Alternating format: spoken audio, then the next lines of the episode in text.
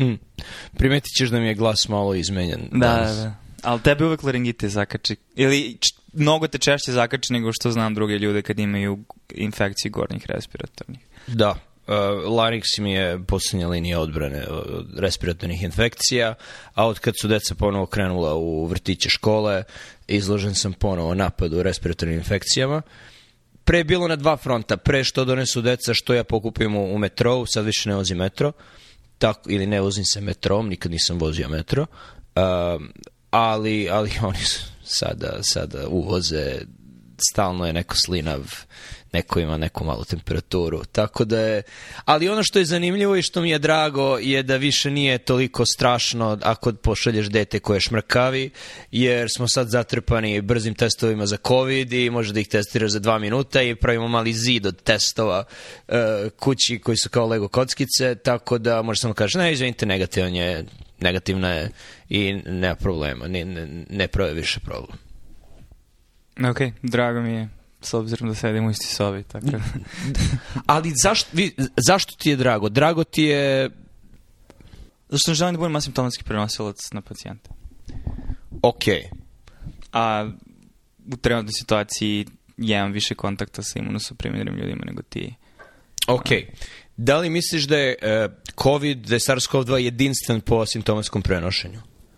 Ne mislim, ali mislim da, to je sad ono koliko ima osjećaj kom ćeš smeru da ideš, ali ono što jeste de facto je da ako se ispostavi i nemoj poći shvatiš, znači u solidnim tumorima znamo da je rizik mnogo manji nego uh, u hematološkim malignitetima i, i transportnu kosti srži, ali sa druge strane, ako mogu da izbegnem situaciju, a za to postoji jednostavno način da se ona izbegne, uh, u smislu ako već se viđem s nekim u zatvornom prostoru, uh, Iako imaju simptome da znam da su negativni, to je samo jedna stvar koja mi olakšava život. Naravno, mislim, odlazak u restoran ili bilo koje javno mesto samo po sebi je rizično, tako da, ali gde možeš da smanjiš te rizike, a da oni nisu preterano inkompatibilni sa normalnim ili relativno normalnim načinom života, mislim da je to okej. Okay. Da ponovim pitanje, zašto specijalno izdvojaš COVID? Za to, da, da je neki adenovirus, mislim, imamo pacijente, imali smo pacijente koji imaju transplataciju koštane srži, ako imano su primirani, umiru od diseminovane infekcije adenovirusom. Pa dobro, to je sad možda moja, moja greška u razmišljanju prouzrokovana činjenjem COVID-a super salijentnim i kada kritikujem ljude za određene stvari, možda sam ja u tome na neki način takođe um, krivac u određenoj meri s obzirom da je COVID nešto što živimo već dve godine i samim tim mnogo više razmišljaš o tome, samim tim mnogo verovatnijim i opasnijim smatraš. Ali na kraju dana, ako ništa u praktičnom smislu iritacije toga da ako razvijem slučajno simptome i, i, i, i prijavim ih i na mom radnom mestu i tekako mi otežava funkcionisanje. Tako da više taj aspekt nego zaista aspekt ono brige u smislu da će neko da umre ako ja slučajno prenesem COVID. Znači, tvoj strah je više funkcija uh,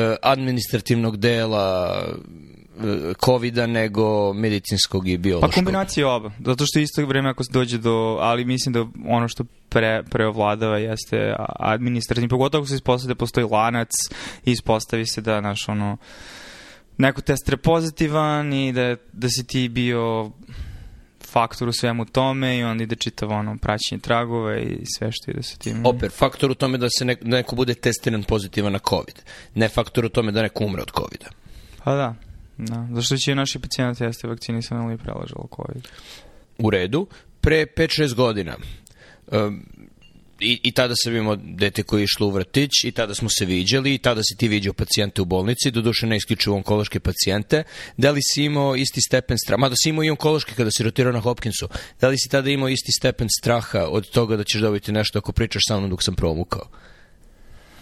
Ne, ali smo nosili maske ono u situacijama kada si imao, ako imaš simptome. Ne, slažem se sa tom da u velikoj meri moje trenutno razmišljanje i dobro što pričamo zato što kroz ovaj dijalog ja počinjem da rastresujem stvari koje se manje više ono bez pretrednog razmišljanja prihvatao um, a, i onda shvatam zašto se ponašam, kako se ponašam i shvatam u smislu znači verovatno je taj praktični aspekt svega toga, da sam bio u situaciji da imam blage respiratorne simptome, onda da interagujem sa administracijom i da je to bilo nenormalno bolno, komplikovano i uticalo na ono, čitavu moju radnu nedelju s obzirom na to koliko a, postoji nivo sa njihove strane pozornosti u, u slučaju da slučajno je neko pozitivan na COVID. Tako da mislim da je više neko uslovljavanje nego sad da ja tebe mislim ono krivim slučajno ako si razumeš ono mislim ja ne mislim da postoji bilo kakva opasnost po mene mislim ono preležali smo bojca covid i vakcinisani smo mislim um, a i po pacijente mislim da je smanjeno, ali opet postoji možda neki opustak u kome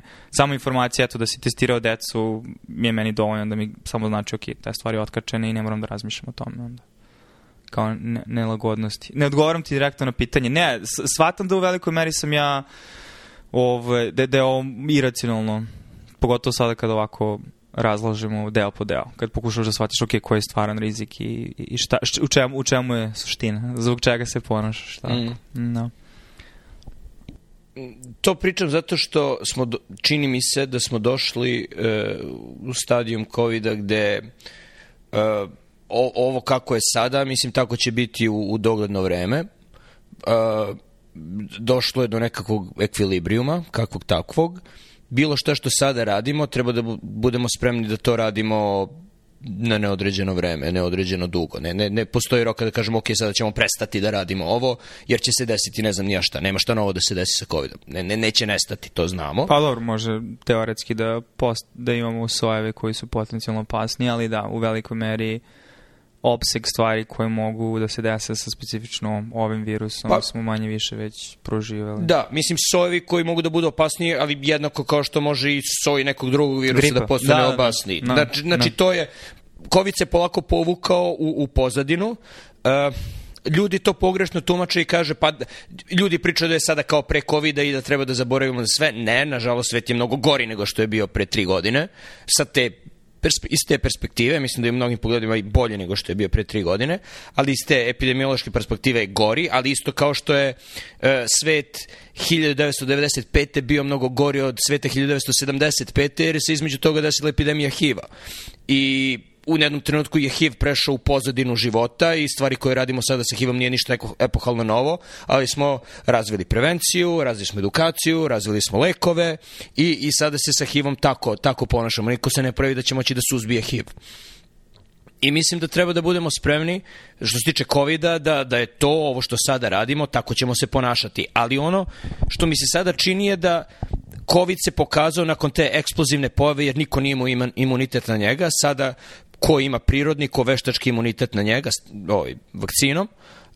Sada kada imamo, on je negde u pozadini epidemioloških svih ostalih virusa respiratornih, mislim da se ne, ne ističe nešto naročito u poređenju sa drugim virusima. Uh, tako da, da ili treba da povećamo našu pozornost i na ostale viruse, što ne bi bilo loše i bilo bi lepo kada bi postojao kućni test ako imaš ove simptome, koji je kao rapid fire, koji je PCR kod kuće, da postoji antigenski test koji možeš da uradiš kod kuće koji, ti kaže, koji će ti reći da li je rinovirus ili adeno ili SARS-CoV-2 ili koji god, to bi bilo jako dobro. I da malo više obratimo pažnje da nosimo maske kada imamo simptome, da nosimo maske u javnom saobraćaju, da se više peru ruke i to, ali mislim da bi to, to bi trebao da bude povećani stepen pozornosti na sve ostale viruse, Isto tako, naročito za one koji rade sa imunosuprimiranim pacijentima. Što se u nekim bolnicama već radilo, na Hopkinsu si uvek nosio masku u sezoni gripa, u nekim bolnicama se to nije radilo, čak i, iako, iako imaš posla sa, sa, onko, sa onkološkim pacijentima. Uh, mislim da to treba da se radi, a ne treba da se rade stvari specifične za COVID. Ne, mislim da ovo je, mislim, možda smo i pričali o ovome već, ali sada da, ajde nađem način da se dobro izrazim. Um, način na koji smo svi ušli, proživeli i dalje živimo COVID kao mentalni koncept i sklop, sklop ideja i možda ih posmatraš na određenoj distribuciji ili čak na određenoj ravni ili čak možda dodaš i više dimenzije zavisnosti koliko promenljivih, ali uh, u velikoj meri, mislim pričali smo o tome i ranije, znaš, nije, sad toliko saznajemo stvari o COVID-u i a, mikrotromboze, a ovo, a ono, a, ali nikada nismo testirali u toj meri pacijente sa drugim, pogotovo sa teškom kliničkom slikom a, obolih od drugih virusnih infekcija i samim tim činiš onu grešku tome da ne znam šta nisi posmatrao. Pre, a sad ovo što posmatraš dodatno izdvajaš kao da je bitno i različito, a možda je samo rezultat opet povećanje ono, scrutiny, povećane pažnje, a, orijentisanosti ka samoj a, bolesti, a ono što je za razliku od mnogih drugih bolesti jedinstveno u svemu ovome što je postalo tako političko i javno i pitanje koje je upleteno sa toliko ekonomskih drugih faktora da ono svako ima neki svoj set mišljenja o različitim stvarima koje se tiču COVID-a, da li u smislu prevencije, da li e, prevencije transmisije, da li u smislu prevencije dobijanja COVID-a i onda jako je teško opšte raščlaniti onako stvarno šta ima javno zdravstvenog smisla, u smislu kako svi treba da se ponašamo, a šta nema smisla i onda zalaziš u situaciju da određene mesta imaju preterano rigorozni stav na temu koliko stvarno treba svi da... I, i, i onda, znaš, vidiš koliko ljudi nerazumno mogu da uđu u, u, diskusiju u smislu, pa dobro, ali šta je tebi to sad, ne znam, da... Šta je tebi teško da ti sad, ne znam, nos, da tvoje dete nosi masku u školi stalno? Zašto je to problem ako ćemo da spasimo... I, znaš, onda naravno ulazi koncept o number needed to treat i koliko, koliko stvarno dece mora da nosi masku da bi ti spasio jedan život. I ono moment da ti, i ovde sa ljudima koji su inteligentni, ali nemaju ono, pozadinsko obrazovanje u smislu, znači, konkretno epidemiologije ili medicina, znači većina stvari je išla kroz kanale medija, izjave eksperata, preporuka CDC-a, WHO, šta god, uh, od kojih je mnogo toga bilo utemeljeno u relativno labavim um, okvirima, dolaziš situaciju da postaje ono moralni sud u smislu uh, da ti ako ne nosiš masku, mislim recimo jedan stav može da bude, ako ne nosiš masku na svakom mogućem mestu van svoje kuće, si loša osoba zato što potencijalno izlažeš nekoga hipotetički koja je imunosuprimjerna, što shvatam da postoji naravno dodatni faktor smanjivanja rizika da ako dve osobe nose N95 masku u uh, zatvorenom prostoru ćeš dodatno smanjiti rizik, ali de facto ono što ima najviše smisla je da ljudi koji jesu imuno su primjereni, nose N95 maske na, na javnim mestima i I ono, obrnuto u smislu totalno što nema smisla da neko ko jeste imunosuprimer da nosi hirušku masku i da druga osoba nosi hirušku masku dok su u zatvornom prostoru. Ali ono što sam uvideo, da ljudi ne, ne, ne uviđaju značajne razlike recimo između tih oblika ponašanja i onda smatraju da javnozdravstvene intervencije koje, mislim da je samo jedan primjer, ima gomila drugih primjera u smislu da ne idemo, da, da uopšte ne dolazimo na javne prostore ili da održavamo socijalnu distancu svuda uvek ili da mislim imamo barijere fizičke koje stvari mogu potencijalno da pogoršaju situaciju jer smanjuju ventilaciju i tako da i tako da. Tako da se slažem sa tom u smislu da sad dolazimo u situaciju da ok, treba da budemo ok sa time da imamo znači ono odnos između koristi i potencijalne štete, jer svaka intervencija sa sobom takođe nosi određene rizike, a mislim ovaj primjer za mene barem ono jasan u smislu koliko ima smisla deci od 4, 5, 6 godina stavljati maske koje im idu preko pola lica, pitanje koliko opšte, pogotovo što je virus, mislim, ono, airborne, tako da, znaš, ali to su stvari, to je sad problem što to COVID je postao, mislim, ono, so, društvena pojava koliko i, mislim, epidemiološka pojava rekao si dosta stvari, fokusirat ću se na dve. Prvo, deca koje nose maske, znam iz ličnog iskustva, a mogu samo da po ličnom iskustvu, jer randomizirane studije nisu rađene, da deca od četiri godine koji idu u školu sa maskom na licu nisu zaštićene uopšte od respiratornih virusa, jer se moje dete od četiri godine koji išlo u školu sa maskom na licu, koja voli da nosi masku na licu, mora da kaže, naročito kad smo u autu koji ona naziva smrdljivi auto, ok, neću da ulazim u to, on, vraćalo se slinava, nije bio COVID, bilo je nešto drugo, bilo je ko zna koji respiratorni virus, ali možda neki od endemskih koronavirusa, ali vraćala se slinava i sa tom maskom na licu i ti je vratiš u školu sa slinavu i sa maskom na licu i dovoljno kaže, a testirali smo i nije COVID, evo ga test u redu, neka dođe tako slinava i tako se šire ti drugi respiratorni virusi. Što je okej, okay, jer najverovatnije ovaj povećane, povećani adenovirusni hepatitis e, kod dece sada, koji se vidi je verovatno posledica toga što su deca odjednom izložena adenovirusima u periodu od godinu dana nisu bila i sada je verovatno u relativnim brojevima je isto, ali u apsolutnim brojevima raste incidenca jer odjednom vidiš sve njih jer su odjednom svi izloženi. Tako da maske, naročito ove platnene, na deci od četiri godine glupost.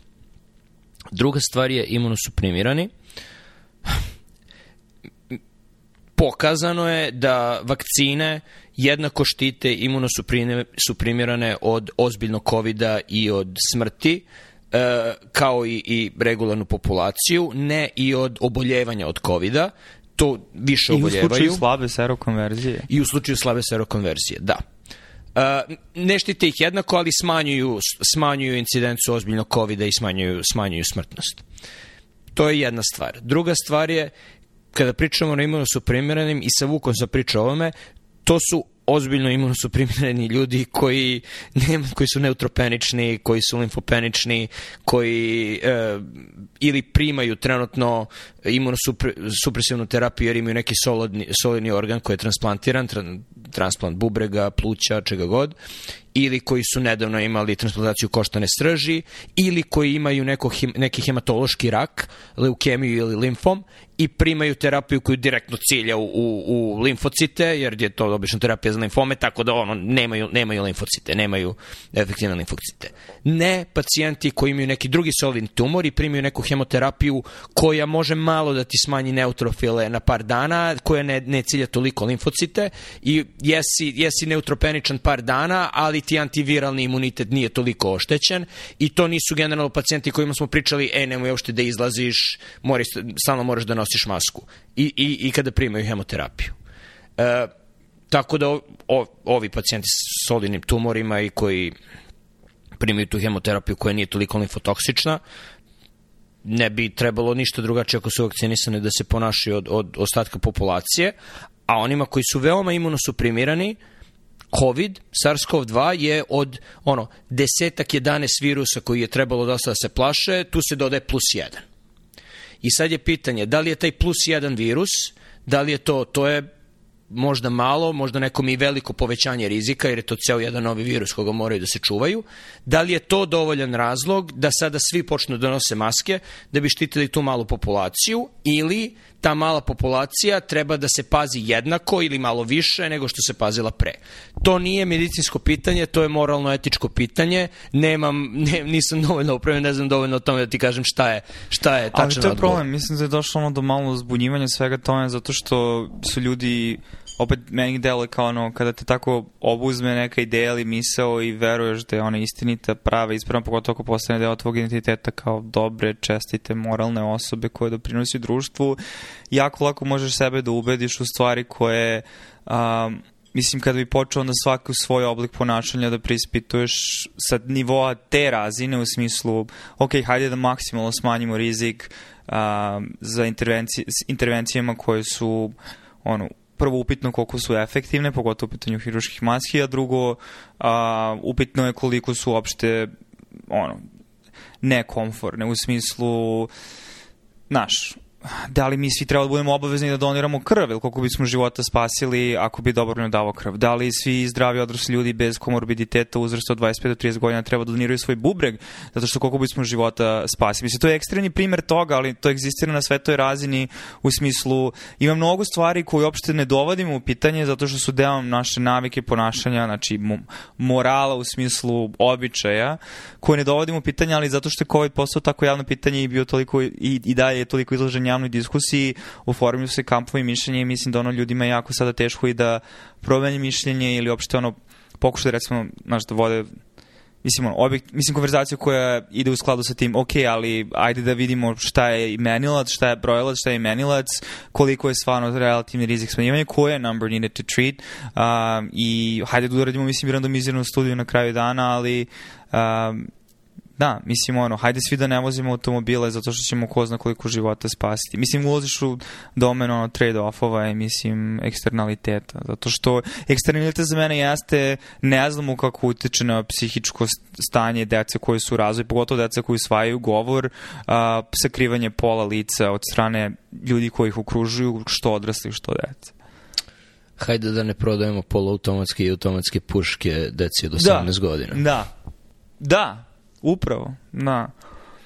Uf, ne, žal, ne, mislim, jako mi je uopšte ono i teško da radi. Pogotovo što je, mislim, A, ok, ali skrećeš temu sad u tom smeru ili... Mislim ili da skrećeš temu u, toj, u taj smer osim ako nisi još nešto htio. U stvari, Nemam ništa Ha- vezano za COVID. Mislim što ovo je ispričana priča sa COVID, mislim, manje više sa naše strane. Da, mislim, možda sam hteo da spomenem jedan tweet koji sam video osobe koje sam nekada pratio, više ne, ona je lekar, primjena zdravstvena zaštita, e, amerikanka, m, pisalo je o tome kao mislili ste kao a pustite covid treba da da protutnji šta ima više ove mere one mere ali evo moja ćerka je dobila u školi zato što je jedina ona nosila masku u odeljenju od 30 dece, niko od njih nije nosio masku i eto ona je dobila i onda sam ja dobila i sad svi smo dobro, hvala na pitanju, ne brinite, ali naš zdravstveni sistem, ne, ja još nisam dobila, ali naš sistem, onaj lekar, zdravstveni sistem nije pravljen za to šta ako ja sad, ja sad ne mogu da idem na posao, ko će da vodi računa o mojim pacijentima, šta ja sad da radim, neće, neko, neće niko da čuva dete koje ima covid, i pričala je sve što je upravo ono posljedica administrativnog dela covida, a ne zdravstvenog dela covida. Je problem zdravstvenog sistema u Americi što lekari generalno nemaju nikoga da ih pokrije kada su bolesni i što ako se napravi jedna administrativna barijera da ne, ne, ne možeš na posao i ne, ne, niko ne može da čuva tvoje dete, tvoje dete ima covid, šta onda? To je, to je problem. I to su dve, dve administrativne barijere su udarile jedno od drugo. Ali ona je, mislim, upravo iz tih razloga koje si ti na početku našeg razgovora spomenuo, to svalila na COVID. Evo, vidite, COVID. Ko, koji problem nam COVID pravi, kako ljudi mogu da kažu da, da smo završili pod navodnicima sa COVIDom. Ok, to, je- to je kraj te teme. Da. I mislim, da, odlazak u drugu temu vezano za ono što se desilo u proteklih nedelju dana, pre par dana um, u školi u Teksasu je nešto što razmišljam i meni i dalje kao nekome koji živi od već neko vreme i dalje ne, ne potpuno shvatljivo i naravno da ono ima dosta stavova, tema, ideja, ali isto vreme mi je fascinantno koliko se i nama to sad normalizovalo, zato što u prethodnih mesec dana, od kojih jedna lokacija bila i DC, je bilo on, tri, četiri, ne znam, masovne, masovna, a, kako bi se masovnih Masovne pucnjave, masove da. pucnjeve, da. Uh, I mislim ono što znaš, jako je isto teško, pogotovo, i sad ne znam, znaš, svako ima svoju ideju o tome šta je etiologija, toga kako je diskurs postao toliko težak, ali u velikoj meri jeste kristalizacija oko određenih hampova i da nekako je to isto postalo toliko politički obojeno da ne postoji način da ti uopšte nekome posluš kao rješenje, ok, ali hajde da ne dajemo oružja, mislim, pogotovo automatsko oružje, poluautomatsko oružje, ono, ljudima koji, mislim, imaju 18, 19, 20 godina i, i ono, i opet mislim da ljudi to, u toj meri precenjuju Znači, rizik i problem je onda što kreneš da se vezuješ za kulturološki aspekt, istorijski aspekt i toliko stvari koje su ono, jako pametno lobisti ili ko već od toga napravili, mislim, ono, ideju čitavog identiteta i da ti vezuješ ideju lične slobode sa time da li imaš pristup, lak pristup automatskim oružjima ili ne. Um, I onda uopšte naš ono, non-starter, ne možeš da imaš bilo kakav diskurs kada ljudi odmah počinju da govaraju sa guns don't kill people, people kill people, bla, bla, bla. I mislim, i ono, ima mnogo načina da ti ono, ukažeš na greške u razmišljanju kada možda napraviš potpuno ono paralele u razmišljanju da, koristeći se drugim primjerima, ali mislim da je jako opšte teško jer ljudi u velikoj meri su već manje više odlučeni u određenim područjima i, i ne, ne, ne znam koji je ono korak, iskorak napred. Pogotovo što je to isto sad postalo vezano opet za izbore i za politiku, tako da neće biti nikada bipartizalni, ili barem u neko dogledno skorije vreme bipartiza, bipartizanski moment. Znači da obe partije uh, imaju kao deo svoje politike ideju znači ajde da uradimo nešto povodno svega ovoga. problem u cijeloj situaciji je novac i ako ima problema sa kapitalizmom, ovo je jedan glavni problem sa kapitalizmom. Ovo se dešava jer je Remington i drugi proizvođači oružja, vojno-industrijski kompleks, video da može da proširi tržište svoje I to ne, ne, ne davno, to je bilo pre 50-60 godina. Znači za života ljudi koji su i dalje živi. E, mo- mogu da prošire svoje tržište na, na domaće tržište i tako su krenuli na kampanju prodaje prvo običnog oružja, revolvera, koltova, sve do polautomatskog automatskog oružja sada. I iz nekog razloga, iz nekog, napravili su uspešnu kampanju toga da se drugi amadman koji se odnosi na pravo država federalnih da zadrže svoje državne vojske i da ne može federalna država da zabrani, ne znam, Marylandu da ima svoju nacionalnu gardu, Teksasu da ima svoju nacionalnu gardu, na to se odnosio drugi amandman. Imali su svoje tumače zakona koji su rekli ne, ne, to znači da svaki građanin sme da ima oružje, što se nije podrazumevalo 950. godine, 960. To je krenulo, čini mi se, od 70-ih, možda malo pre ili malo kasnije. Znači, uradili su to i, i sada je situacija takva. Iz meni nejasnih razloga nekako se potpuno gubi iz priče to da da, ok, ljudi imaju pravo da imaju oružje, ali prvo treba, kao što treba da budeš dovoljno zreo da voziš auto, treba da budeš dovoljno zreo i da nosiš oružje. Tako da, mislim, da je granica do 18 godina za svakoga preniska. Neki ljudi od 18 godina jesu dovoljno zreli, ali neki nisu. Neki nisu ni sa 30 godina dovoljno zreli i tu treba da bude možda i mentalno testiranje. Uh, kao što je slučaj sa automobilima. I onda se povlači, pa da, ali šta, dovoljno je star da ide u vojsku i da gine za zemlju, a nije dovoljno star da, da ima oružje, pa da, ali da bi bio primljen u vojsku, prvo ti nemaš svoje oružje sa kojim može da radiš šta hoćeš, nego radiš po komandi i drugo imaš psihofizičko testiranje gde ne može svako da ide u vojsku sa 18 godina, neko ne može nikada da ode u vojsku. Tako da, ako, ako treba da se za dozvolu oružja, treba da se prođe kroz isto testiranje kao i kroz voj, za vojsku, ja sam apsolutno za to. Znači, to je jedna stvar. Druga stvar je, iz nekog razloga ljudi misle da je u redu da posaduju automatsko naoružanje, čije je jedina svrha da ubije što više ljudi u što kraćem vremenu. Uh, opet posledica lobiranja, postojala je zabrana na to automatsko naoružanje koja je bila privremena za vreme Clintonove administracije. Ta za, privremena zabrana je istekla za vreme Bushove administracije nije postojala većina u kongresu da se produži i sada je to oružje dozvoljeno. Uh, mislim da je problem u novcu, jer je problem da jer je problem u tome što industrija proizvođača oružja želi da proširi svoje tržište. Mislim da je i rešenje u stvari u novcu, Mislim da je rešenje jednako kao što je bilo rešenje za industriju duvana i kako je ona, o, o, ona sređena, a to je početak tužbi i do do nedavno su ljudi mislili da je nemoguće da se tuže proizvođače oružja za smrt koju je njihovo oružje izazvalo, ali roditelji žrtava u Sandy Hook školi su uspešno tužili Remington za par desetina miliona. Mislim da to treba da se produži, mislim da to treba da se proširi i na političare koji donose zakone koji dozvoljavaju ljudima tipa ovo koji je nedavno pucao u Teksasu, koji je on par dana nakon svog 18. rođendana kupio oružje kojim je pobio tu decu, a taj zakon da teksašani stari 18 godina mogu da kupe oružje je donet pre 2-3 godine i tačno se zna ko je želo da se taj zakon donese.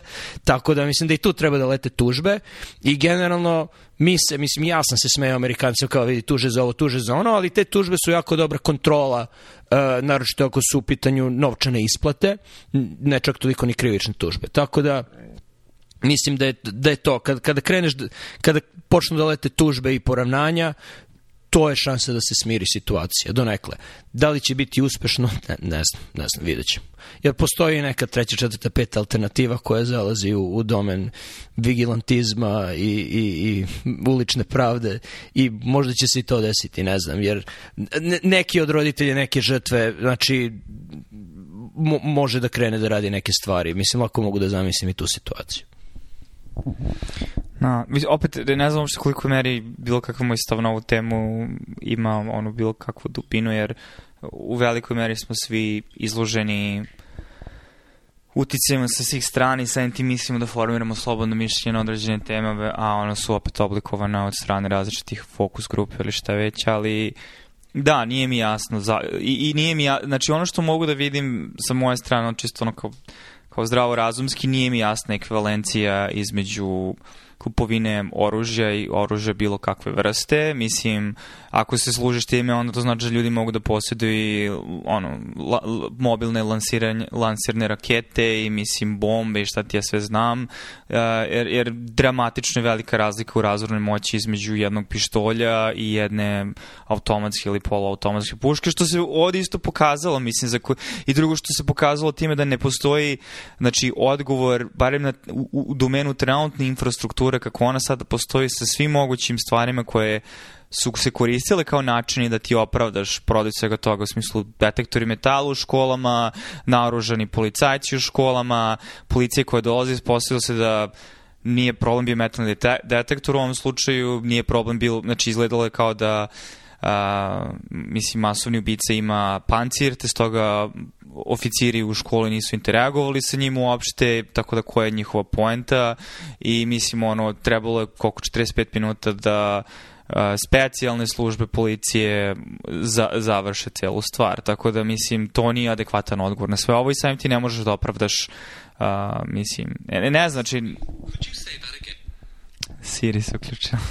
Mislim da slušaju. Ove, tako da, ne, treba, treba jednostavno promeniti pristup. I isto problem samo s tim isto što ako i dođe do bilo kakve legislature, što ono otežava teško mi da pomisli se da desi narednih 1, 3, 5 godina, opet uh, gomilo oružje prodato, gomilo oružje kupljeno, toliko stvari cirkuliš. Mislim, ja sam se znadio ovde u DC-u da je lik u DC-u u stanu, jesi vidio na kraju šta je on imao? Mislim, on imao nekoliko, mislim, automatskih Imao je još seno koje mogu da kupi u Virginiji znači, bez problema. Da, ali znaš, ono, meni isto fascinantno je to ono, to je bukvalno kao ono zgrada u kojoj žive studenti. Zamisli da tvoj, ono, cimer u drugom stanu ili šta već, mislim, ne cimer, ali ono, kao tvoj sused u drugom stanu student ima tri automatske puške, mislim, ono, kao i pištolj i bombu.